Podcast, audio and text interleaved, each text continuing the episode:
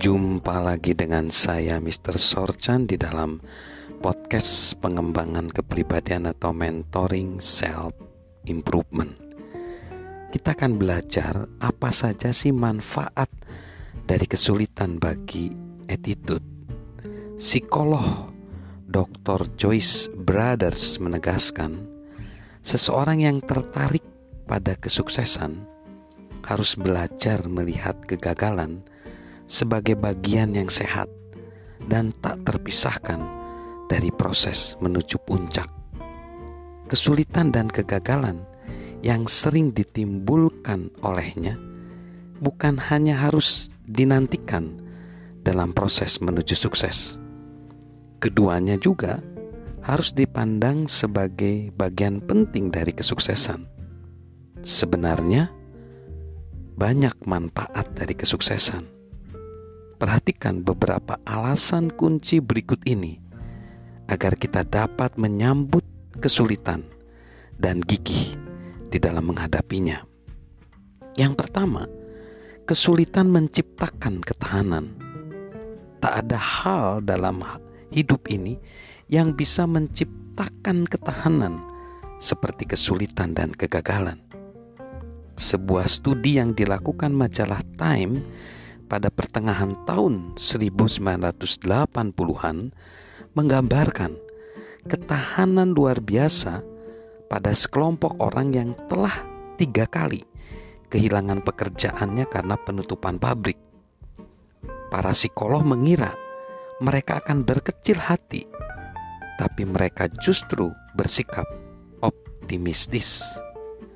Kesulitan mereka ternyata membawa keuntungan karena mereka pernah kehilangan pekerjaan setidaknya dua kali dan menemukan yang baru. Mereka bisa menangani kesulitan dengan lebih baik dibanding orang-orang yang baru bekerja untuk satu perusahaan kemudian dipecat. Kedua, kesulitan membangun kedewasaan. Kesulitan bisa membuat kita menjadi lebih baik jika kita tidak membiarkannya dan membuat hidup kita terasa getir. Itu terjadi karena kesulitan membawa kebijaksanaan dan kedewasaan. Novelis Amerika William Saroyan berkata, "Orang-orang yang baik mendapatkan kebijaksanaan melalui kegagalan. Kau tahu, kita hanya mendapat sedikit kebijaksanaan dari kesuksesan ketika dunia terus berubah dengan laju yang kian cepat, kedewasaan dengan fleksibilitas menjadi semakin penting. Kedua kualitas itu datang dari perjuangan mengalami kesulitan.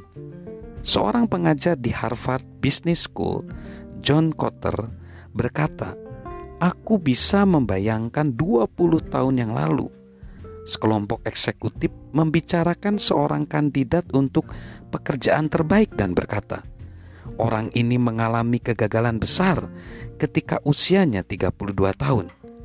Semua orang akan berkata, "Ya, ya, itu pertanda buruk." Aku bisa bayangkan kelompok yang sama membicarakan seorang kandidat hari ini dan berkata, "Yang membuatku khawatir tentang orang ini adalah dia tidak pernah gagal." Masalah yang kita hadapi dan berhasil kita lewati menyiapkan kita untuk kesulitan di masa depan. Salam good attitude dari saya, Mr. Sorchan.